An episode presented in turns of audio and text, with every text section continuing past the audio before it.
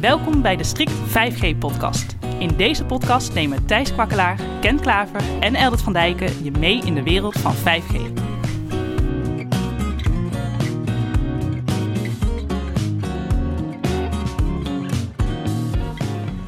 Dit is de Strict 5G podcast. Ik ben Thijs. Ik ben Ken. En ik ben Eldert. Als het gaat om 5G worden we door de providers natuurlijk al bestookt met allerlei nieuws en advertenties over hun netwerken en hoe snel zij zijn met de uitrol van 5G in het bestaande landelijke netwerk.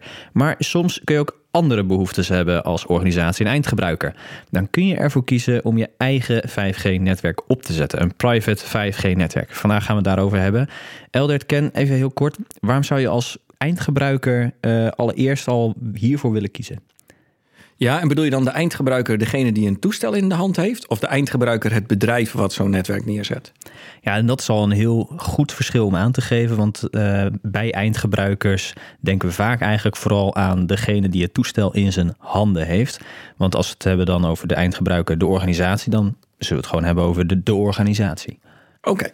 Nou, en, waarom, en, en volgens mij was jouw vraag eigenlijk naar die eerste. Wat is een organisatie? Waarom zou je dan een private 5G-netwerk neer willen zetten? Of zeg maar een speciale dienstverlening verwachten, waardoor je het eigenlijk als een private netwerk kan typeren? Doordat een operator bijvoorbeeld een hele speciale dienst voor jou heeft gebouwd.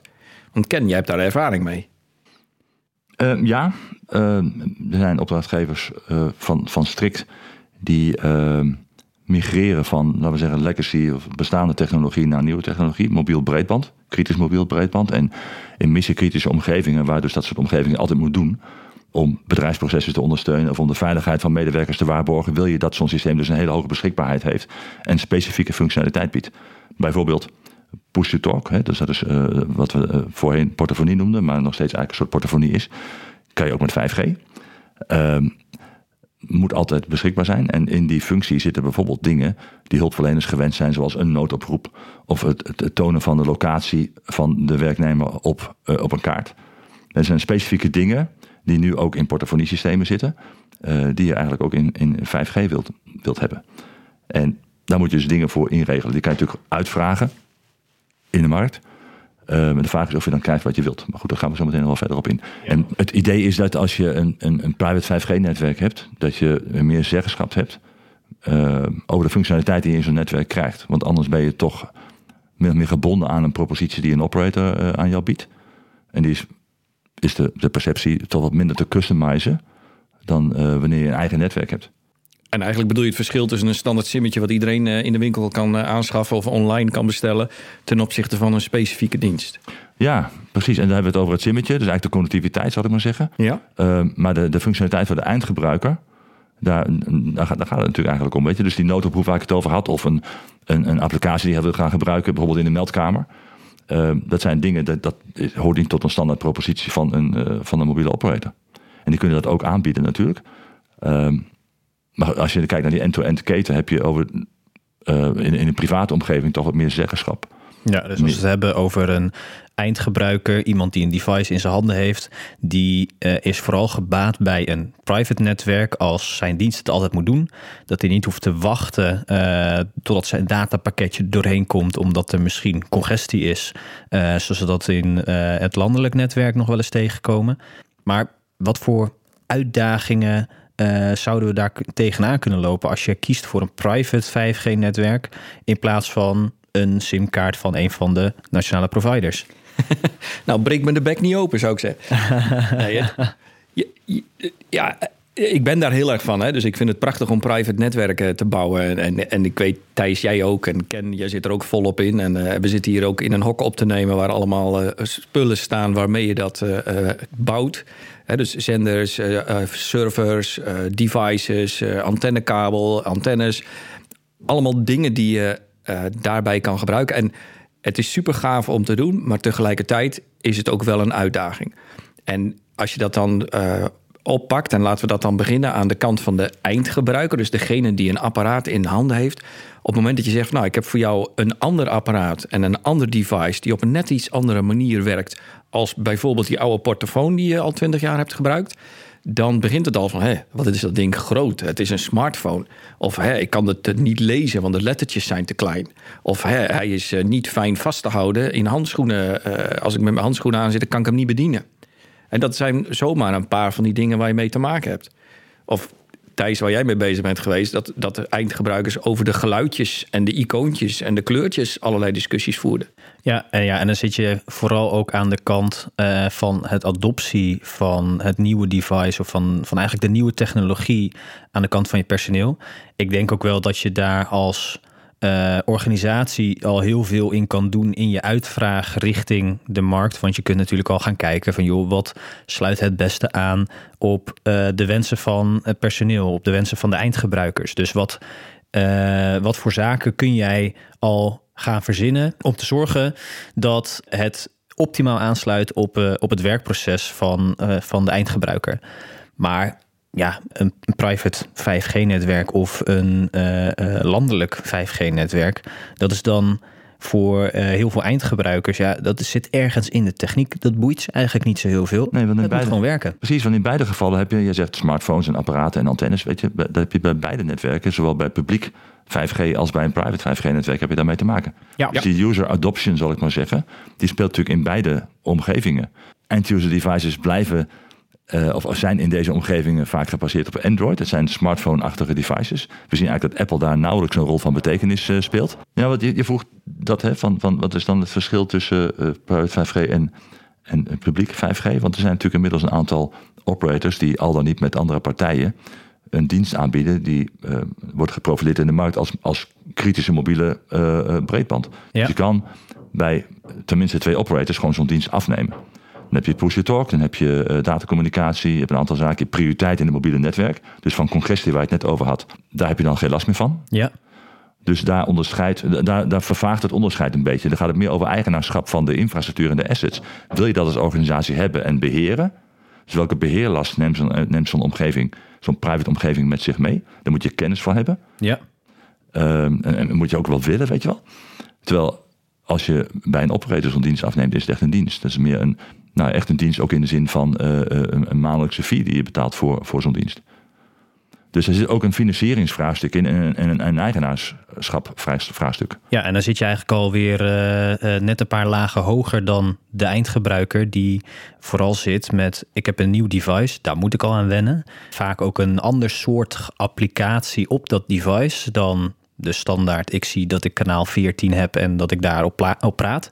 Dus dat is eigenlijk alweer een heel ander vraagstuk. En als we dan kijken naar uh, een eindgebruiker waarbij je tegen zegt van joh, we hebben uh, deze met een private 5G-netwerkoplossing. Ja, zal ze echt worst wezen, denk ik. Ik denk dat je daar wel een punt hebt. Want Eldert en ik hadden vanmorgen even een gesprekje ook over Tetra versus, laten we zeggen, de nieuwe technologie. Ja. En de, de, de Tetra en DMR-radio's van deze wereld. Dus dat is de, de wat, wat oudere, althans bestaande technologie. De traditionele portofoon. Dat we zeggen traditioneel, maar het is nog steeds al wel digitaal. Weliswaar ja. 2G technologie, hè? dus van een vorige, vorige generatie. Maar nog steeds zeer actueel. Ja. Uh, maar daar zien we eigenlijk dat die uh, uh, gebaseerd zijn op uh, hardware uh, die gewoon heel robuust en bewezen is. En het draait natuurlijk ook uh, firmware op. Die, dus gewoon embedded firmware. Niet een Android-achtig iets, weet je wel, als operating system. Ja. De, de, de architectuur van zo'n device is heel anders dan van een, van een Android-device. En met Android heb je natuurlijk te maken met Google. Die, Google. voilà, nou, dan zeg je al een heel ding. Hè? Dus dan heb je te maken met security patches. Ja. Je moet up-to-date blijven. Je wil, niet minstens, je wil maximaal een x aantal releases achterlopen. Ja. Maar je device moet ook uh, uh, laten we zeggen, toekomstige upgrades blijven ondersteunen. Dus er, er speelt een heel andere problematiek dan bij de Tetra-radio's. Die koop je, uh, laten we zeggen, ik ken een klant die heeft al laten we zeggen, 15 jaar een contract. En die devices zijn nooit vervangen. Die doen het gewoon altijd. Ja. Niks geen upgrades of patches of weet ik veel wat. Ja, niks wel eens een keer batterijpacks vervangen. Oké, okay, batterij vervangen, maar, maar laten we zeggen geen software upgrades of zo of weet ik veel wat. Nee. En dat is natuurlijk in een Android-omgeving compleet anders. En dat zijn wel dingen waar een eindgebruiker iets van merkt. Want als natuurlijk zo'n upgrade plaatsvindt, dan moet dat ding uh, uit of ja. zo. Of, of weet ik het, dan moet je altijd een afstemming doen met, met zo'n met zo'n gebruiker. Want die wil niet dat tijdens de dienst uh, uh, er een upgrade moet plaatsvinden, waardoor het apparaat ineens niet beschikbaar is. Ja. Laat staan dat er, dat er upgrades zijn die misschien het apparaat onzeep helpen. Ja. ja. weet je. Dus Die willen ook een heel uh, testproces aan vooraf laten gaan. Om ervoor te zorgen dat nieuwe upgrades geen effect hebben op de functionaliteit van het device. Dus er zit een heel andere dynamiek in, in de uitrol van zo'n van, van zo'n ecosysteem, dan bij Tetra. Dan koop je gewoon een ding en dan weet je dat die het blijft gewoon 10 jaar doen, of 15 jaar. Ja, ja, dus als ik uh, jou zo hoor en samenvat, dan zeg je eigenlijk een 5G, uh, of dat nou private is of publiek, uh, dat biedt een hele hoop extra functionaliteiten die voor een eindgebruiker ontzettend belangrijk kunnen zijn, of in elk geval van toegevoegde waarde zijn voor het werkproces. Um, maar je moet eigenlijk in de laag daarboven uh, al heel goed gaan nadenken over hoe ga je dit op een goede manier inrichten dat een eindgebruiker er ook werkelijk profijt van heeft ten opzichte van de oude techniek. Ja, ja. Dat, ah, dat is misschien ook een mooi bruggetje om dan één laagje uh, al hoger te gaan. Van ja, eindgebruikers die, die zijn ermee aan het werk, maar hoe beheer je zoiets als dit dan? Ja, dat is een mobile device management, oftewel een MDM die daar een rol speelt. Dus naast de hardware van het device en het operating wat erop draait en welke fabrikant dat device natuurlijk is, heb je dan ook altijd nog het liefst te maken met een minimaal ja, ja, het eigenlijk het liefst maar één laag van een mobile device management. Maar soms horen we al dat er meerdere lagen mobile device management op zitten. Eén van de fabrikant, één van de softwareleverancier. En die kunnen alweer met elkaar uh, conflicteren. Maar in principe, wat je graag wil, dat op het moment dat het iets in een, in een missiekritische omgeving met een noodknop en alarmering, dat iemand niet in staat is om zeg maar, het geluid uit te zetten. Ja. En vervolgens geen alarmen meer hoort of oproepen van zijn collega's. Want dat zou heel vervelend zijn. En dat kun je dichttimmeren met mobile device management. Want in een standaard Google device, Android, iedereen weet precies hoe je de volume harder en zachter moet of zelfs het geluid uitzet. En dat wil je nu bijvoorbeeld niet hebben in een professionele setting. Dus dan heb je inderdaad één laagje hoger dan eh, de, de hardware en software. Zit je op het mobile device management, waarin je bepaalt: deze knop kun je niet gebruiken, die functie mag je niet toestaan. En iets wat bijvoorbeeld heel belangrijk is, dat er geen Instagram of Snapchat geïnstalleerd kan worden op het device. Uh, want het device wordt bijvoorbeeld gebruikt in een omgeving waar je dat niet wilt hebben. En dat moet je ook wel uh, zien te blokkeren. Er zijn genoeg collega's uh, of mensen die bijvoorbeeld s'nachts niet zo heel veel te doen hebben. of tijdens de pauze en proberen van nou, wat kan ik nog meer met zo'n device? En want iedereen kent ondertussen een smartphone. Ja. Dus daar moet je het echt wel, wil je het goed doen, moet je dat ongelooflijk goed dichttimmeren. Want anders heb je heel snel daarna, als iemand anders bijvoorbeeld in een latere dienst datzelfde toestel gebruikt, dat plotseling het ding niet meer reageert zoals verwacht. Dat is het, hè. En de leveranciers stellen ook vaak, leveranciers van zo'n missiekritische dienst stellen ook vaak wel als voorwaarde dat er een MDM op zit. Om te voorkomen dat de performance van zo'n device achteruit gaat ten gevolge van het installeren van allemaal dat soort apps. Ja. Die willen gewoon gegarandeerde beschikbaarheid van hun missiekritische uh, omgeving. Die niet beïnvloed wordt door, laten we zeggen, de gebruiker die allerlei dingen ermee doet. Absoluut. Sterker nog, meestal uh, wordt door de fabrikant gezegd van er komt niks op tenzij wij het goedkeuren. Exact. En dan kun je zeggen, ja maar wacht even, wij zijn toch de eigenaar van het device. En nou zegt dan de softwarefabrikant, nee, ik wil wel uh, de controle houden over de kwaliteit van uh, mijn toestel. Ja, en dat is allemaal gericht op het toestel. Maar als we dan kijken naar het netwerk zelf, dus het, het 5G-netwerk, waar moet je dan nog rekening mee houden? Welke zaken zijn, zijn van belang om daar ook goed op te letten als je dit zou willen implementeren? Daar is wel een verschil tussen private netwerken en publieke netwerken. In publieke netwerken heb je niet zoveel te zeggen over de configuratie. Dus dat nee. is, uh, ligt gelukkig of uh, ligt bij de mobiele operator. En in veel gevallen voor veel bedrijven gelukkig maar. Dan ja. hoef je je daar geen zorgen over te maken. Op het moment dat je een privaat netwerk hebt gebouwd... Uh, kan het maar zo zijn dat daar nog specifieke settings in zijn... die je toch nog eventjes moet fine-tunen of moet aanpassen. En 5G is gewoon een complexe technologie. En je kunt zeg maar uh, het out of the box uh, neerzetten en zeggen van hij doet het. En dat kun je eigenlijk een klein beetje vergelijken met een wifi access point kopen en in de winkel en of thuis laten bezorgen, uitpakken, aanzetten en zeggen kijk hij doet het. met de standaard wachtwoorden, de standaard settings en dan doet de meeste wifi access points doen het al. En dat ja. is geweldig. En dat is ook met een private 5G-netwerk. Op het moment dat je het zeg maar standaard geleverd krijgt, zitten er nog maar heel weinig unieke settings in. Tenzij je daar over na helpt denken. En samen met de leverancier bepaalt hoe en op welke manier je het systeem geconfigureerd wil hebben. Bedoel jij bijvoorbeeld uh, toepassingen voor ultra low latency, waarbij je de rekenkracht heel dicht bij de gebruiker wil hebben zitten? Nee, nog niet eens. Ik Oh. heb het bijvoorbeeld over welke frequenties ga je gebruiken. Of hoeveel mensen moeten er in een cel passen. Ja. Of hoe ga je de handovers doen van de ene cel naar de andere. Of hoe ga je ervoor zorgen... Nou, gelukkig gaat dat voor een deel eh, automatisch. Maar er, er zitten eh, heel diverse aspecten in... waar je toch wel echt even over na moet denken. En misschien wil je dat ook wel, hè? Dat je voor heel specifieke toepassingen juist dat wil kunnen aanpassen. Ja, Ik wil bepaalde plekken in dekking hebben waar een mobiele operator dat niet doet, of niet standaard. Ja, of eh, daarin bijvoorbeeld in een bepaald deel van het gebouw eh, prioriteit geven aan bepaalde gebruikersgroepen. En de rest mag er ook bijvoorbeeld in die hoek wel gebruik maken van het netwerk. Maar die specifieke gebruikers hebben voorrang op iedereen. Dat kun je in zo'n netwerk allemaal instellen. Maar daar moet je wel over nadenken. En ehm, het is goed om, om wel kennis op te doen van wat kan zo'n systeem nou precies? En wat zijn de settings? En, en kun je daar ook iets mee?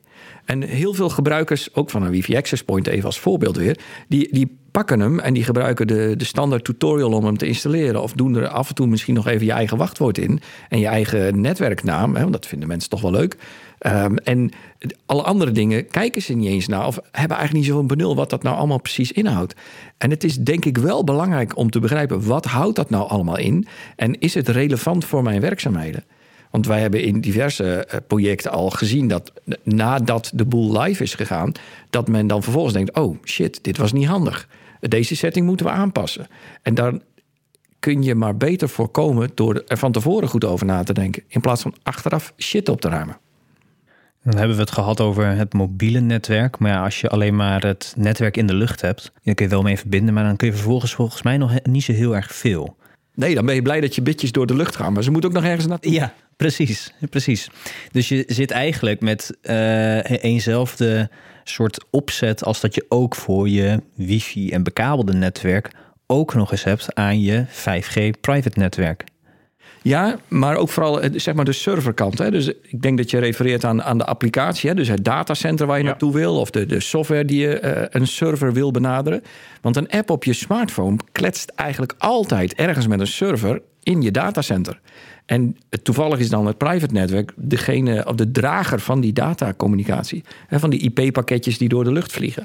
En die moeten ergens naartoe en die moeten op een server eh, uitkomen. En bij voorkeur ook snel worden afgehandeld en weer met informatie teruggestuurd worden. Zodat de eindgebruiker die dingen heeft die hij nodig heeft. Of de spraakpakketjes snel ontvangt of iets dergelijks.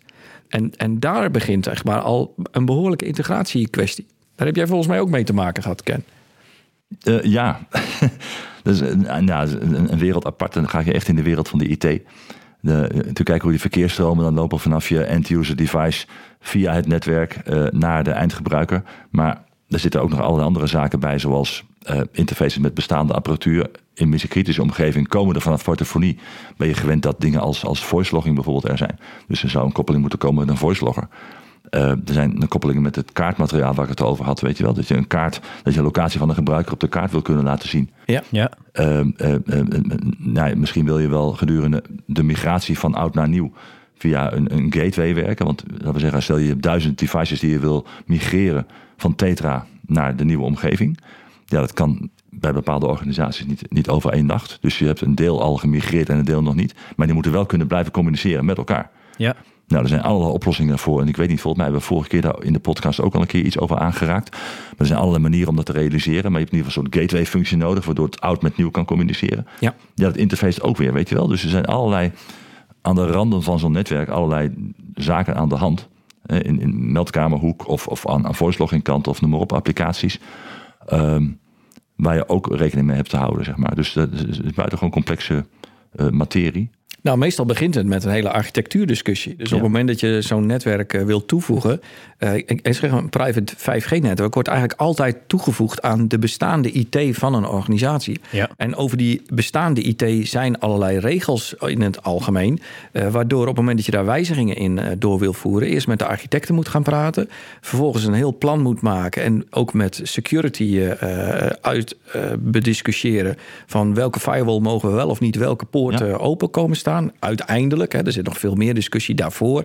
Maar dat is waar het uiteindelijk op terechtkomt. En, en die hele inter, interconnectiviteit, ja, dat is- best een uitdaging. Ja, welke verkeersstromen zijn er en wat heeft dan welke kenmerken? Moeten bepaalde prioriteiten worden ingesteld, bepaalde eh, eh, quality of service op bepaalde verbindingen enzovoorts. Weet je, dus dat moet je eerst allemaal zien uit te, te, te denken. Ja. voordat je het kan gewoon inrichten. Dus inderdaad, het vergt heel veel discussie of overleg met architecten, zowel aan de leverancierskant als aan de kant van de organisatie die hiermee aan de slag gaat. Ja. Uh, en, wij proberen vanuit onze rol dan zaken bij elkaar te brengen, weet je wel. En, designs te maken en dat soort zaken. Uh, dus hier, hier groeien echt de radiotechnologie en de IT naar elkaar toe. Absoluut. En dan begint het uh, in een organisatie waar je dan bijvoorbeeld iets neer wil zetten. Uh, kan het maar zo zijn dat er ook, nou ja, ga er maar vanuit. Daar lopen allemaal parallele projecten op IT-vlak. Dus ja. er worden servers vervangen of er wordt gemigreerd naar de cloud of een datacenter migratie vindt plaats. En op het moment dat jij dan langskomt en zegt, ja, ik wil graag deze connectiviteit. Heb ik ook wel eens uh, meegemaakt dat men dan zei van ja, dat is prima. Volgend jaar hebben we daar tijd voor. Uh, ja, hoezo? Ja, we zijn aan het migreren. Ja, uh, sorry, maar we hebben ook een operationeel proces en een planning. En dit project moet ook door. Nou, nee, niet dit jaar. En dan zeg maar, het is februari. Uh, op het moment dat wij deze podcast opnemen. Hoezo kan het niet meer dit jaar? Maar dat is wel wat je in grote organisaties mee te maken hebt. Dus je je zit eigenlijk altijd op het moment dat je integreert met een IT-omgeving. Ga er maar vanuit dat dat een hele dynamische omgeving is. Waardoor je nog allerlei extra uitdagingen meekrijgt. Waar je normaal gesproken geen rekening mee houdt. Valt er dan wat voor te zeggen om, uh, als het dan gaat om uh, het aanvragen uitrollen van, van een 5G toepassing, netwerk eigenlijk, uh, om dan eigenlijk te denken, nou ja, omdat het al in zo'n complexe omgeving uitgerold moet worden, ga ik het maar gewoon via de providers doen, want dan heb ik er in elk geval weinig last van, of in elk geval werk aan. Nee, want ook in dat geval moet je natuurlijk koppelen aan je enterprise omgeving. Want dan zal er een verbinding moeten komen tussen het netwerk van zo'n provider ja en de, de, het netwerk van de, van, van de gebruiker in dat geval. Ja. Om die datacommunicatie tot stand te brengen. Dus dat, dat integratievraagstuk heb je ook in dat geval. Met een meldkamer bijvoorbeeld. Of een besturing vanuit uh, de klant. Dus je hebt eigenlijk altijd wel te maken met het uh, IT-netwerk van de organisatie waar het moet landen. Daar kun je eigenlijk niet buitenom. Nee, maar goed, die, die, dat stuk uh, van bijvoorbeeld een device, dat is uh, of je nou voor privaat gaat of voor publiek, is hetzelfde. De complexiteit rondom IT-netwerken, of je nou voor privaat gaat of voor publiek, is hetzelfde. Maar of je nou voor privaat of publiek gaat, dat heeft natuurlijk wel consequenties. Want als jij privaat gaat, dan heb je uh, meer zaken, wat je net vertelde, Eldert, om over na te denken, ja. de parameters, et cetera, dan bij publiek. Want dat is eigenlijk in jouw vergelijking het wifi-doosje wat je eruit pakt en uh, installeert en dan werkt het. Nee, dat klopt. En dat zorgt er ook eigenlijk voor dat er, er zijn bedrijven die kiezen voor private netwerken omdat ze een hoge mate van controle willen hebben. En er zijn bedrijven die dat niet alleen doen omdat ze dat fijn vinden, maar ook omdat het noodzakelijk is. Omdat ze vanuit veiligheidsaspecten, uh, uh, bijvoorbeeld de datacommunicatie, niet het terrein mag verlaten. En dan uh, ja, weet men eigenlijk van ja, het is niet een goedkopere oplossing over het algemeen, een private mm -hmm. netwerk. Maar het is soms wel noodzakelijk, want het mag niet anders vanwege wetgeving of vanwege andere redenen. En op het moment dat je op basis daarvan aan de slag gaat uh, ja, dan, dan heb je gewoon met die aspecten te dealen. Ja. Um, dus op het moment dat je zegt, nou, het lijkt me leuk, hè, ik ga wel uh, een private netwerk bouwen. Ja, dat soort projecten gaan uit van een hoge mate van uh, lol hebben in dit soort innovaties. Maar over het algemeen stranden die wel op het moment dat de directie moet besluiten over de investeringen. Ja, dan gaat het ook om van welke kant wordt het aangevlogen. Hè? Gaan we vanuit ja. proeftuingedachte uh, opstarten omdat we denken van nou, we denken dat het toegevoegde waarde kan gaan bieden in de toekomst? Ja. Of zeg je nou, we hebben een visie op connectiviteit of, of, of, nou ja, dat is mijn onderdeel, maar we hebben een visie op hoe we met onze digitale omgeving omgaan. En daar hoort een stuk connectiviteit bij. Ja. En dan, dan, dan start het eerder vanuit, laten we zeggen, van bovenaf. En dan dwarrelt het uiteindelijk naar beneden toe. En daar moet een oplossing bedacht worden. En dat kan dan zomaar private worden. Ja. In plaats van te zeggen, nou ik ga een private netwerkje bouwen. Want dan kijken of we het allemaal gaan bieden. Weet je, het is net welke kant vlieg je het aan. Ja, en dat is zelfs nog uh, bedacht vanuit de onderkant van de techniek. Ja. Maar in feite uh, is je business case mega sterk als je hem helemaal vanaf onderaf vanuit de, de behoefte vanuit de eindgebruiker pakt. Waarin hoge mate van beschikbaarheid, uh, snelheid van, van dataverbinding, maar ook uh, mogelijke uitbreidingen op je dataverbinding van mega groot belang zijn. En dan is het eigenlijk al heel snel uh, uh, klip en klaar eigenlijk dat je voor een private oplossing zou moeten gaan. Omdat je meer data nodig hebt, je wil snelheid. je wil ook kunnen koppelen aan je interne systemen met een gemakkelijk uitwisselbaar device. ja, dan is het helemaal bovenin de organisatie alleen nog de vraag hoe gaan we dat bekostigen. Maar dat die behoefte er ligt en dat je het liefst daar ook naartoe zou willen, die is dan vanuit de eindgebruikers geredeneerd. Ja, ontzettend duidelijk. Punt. dat is een goed punt. ja, nee, dat is helemaal waar. En dan heb ik de behoefte vanuit de eindgebruiker wel, wel duidelijk. En die is dan ook duidelijk bij de bovenkant van de organisatie die uiteindelijk het besluit moet nemen. Uh, ik zei net, dan is het heel duidelijk dat je voor privaat moet gaan. Maar is dat dan zo duidelijk? Want in feite gaat het dan gewoon over een stuk kostenplaatje, maar ook kan private meer bieden of beter bieden, wat misschien met een publieke provider ook zou kunnen. Ja, niet alle publieke providers bieden nu al hetgene wat je met een privaat netwerk uh, al wel kan. Ja. Uh, super low, lage latency applicaties bijvoorbeeld. Maar goed, de providers hebben wel aangekondigd dat slicing aan gaat komen zodra als 5G standalone er komt. En dat ook geïmplementeerd wordt, et cetera, dan gaan dat soort dingen wellicht mogelijk worden. Ja. Uh, maar daar hebben we nog even geduld voor nodig, denk ik. Uh, maar met een private 5G heb je daar denk ik meer mogelijkheden. Dus dat wel.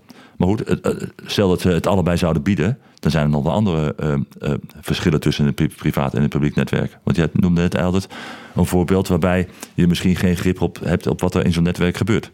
Nee, ik weet van een organisatie die bewakingscamera's levert en die verbonden zijn met 4G.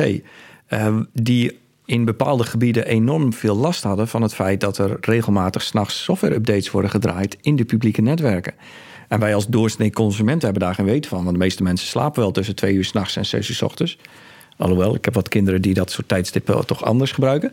Maar zeg maar, dat zijn de rustige momenten in de netwerken die uh, ervoor zorgen dat uh, uh, ze dan software-updates kunnen draaien. En dat gebeurt behoorlijk regelmatig. En die meneer van de bewakingscamera's kon ook precies zien wanneer er software-updates waren gedraaid. Want er waren er allerlei bewakingscamera's waar hij geen contact mee had.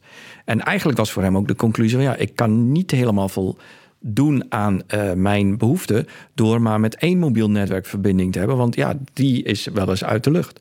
En op dat soort momenten zou een private oplossing. Um, met behulp van het feit dat je veel meer controle hebt over wie wanneer aan dat netwerk sleutelt. Want daar ben je namelijk zelf van. Ja. Dat geeft een heel ander soort beeld dan dat je zeg maar achteraf te horen krijgt: oh ja, ja, vannacht waren er weer drie uur uit. Ja, hallo, drie uur uit. Dat was nou net het moment dat ik echt die bewakingscamera nodig had. En, of op het moment dat mensen onderweg zijn en eh, met behulp van die smartphone moeten kunnen communiceren. En er wordt op dat moment een software-update gedraaid. Ja, dan zoek maar even een andere Ja. device om je die communicatie mee te doen. En dat is denk ik iets wat je in private netwerken dus veel beter controle over hebt. En dat is wel een ander aspect waar je op missiekritisch niveau wel mee te maken hebt, is, business continuity. Wat doe je op het moment dat je uh, dat netwerk waar je op vertrouwt, uh, dat het er niet is? En wij zijn ook met een, met een private netwerk uh, uh, bezig, Thijs. Waarbij ook uh, naast het feit dat we van hartstikke mooie moderne technologie gebruik maken, hebben we zeg maar ook nog steeds de optie in de lucht: if all else fails. Hè. Als alles eruit ligt, kunnen we dan nog steeds voor onze veiligheid ergens op garanderen. Nou, en daarvoor hebben ze nog een hele stapel portofoons klaar liggen. Oude technologie, maar wel met behulp van een eigen steunzender die op een auto-accu draait als het nodig is. Kun je zelfs nog heel veel uren blijven communiceren. terwijl alles uit is uitgevallen. Als de IT is uitgevallen, de stroom is uitgevallen en niks het nog doet, hebben we daar nog zeg maar een fallback scenario. En dit is wel iets waar, waar strikt organisaties ook bij helpt. En dit is ook wel iets, zeg maar, het blijft techniek. Hè? Op het moment dat je een, een prachtig publiek netwerk hebt met een hoge betrouwbaarheid, of een private netwerk met een hoge betrouwbaarheid, dan nog zijn er momenten dat het niet beschikbaar is. En wat doe je dan? En, en daar is wel heel goed om over na te denken als bedrijf. Ja, en heb je dus ook meer invloed op als jij kiest voor een private oplossing ten opzichte van een publieke oplossing? Absoluut. De afweging private 5G of publiek 5G is nog lang zo simpel niet. Uh, maar dat die behoefte er is bij, bij, veel eindgebruikers, dat is wel een zekerheid. Het blijft ook altijd een complex project. Het blijft zeker een complex project. Maar iets minder complex de eerste keer dat. en dan heb ik deze eer.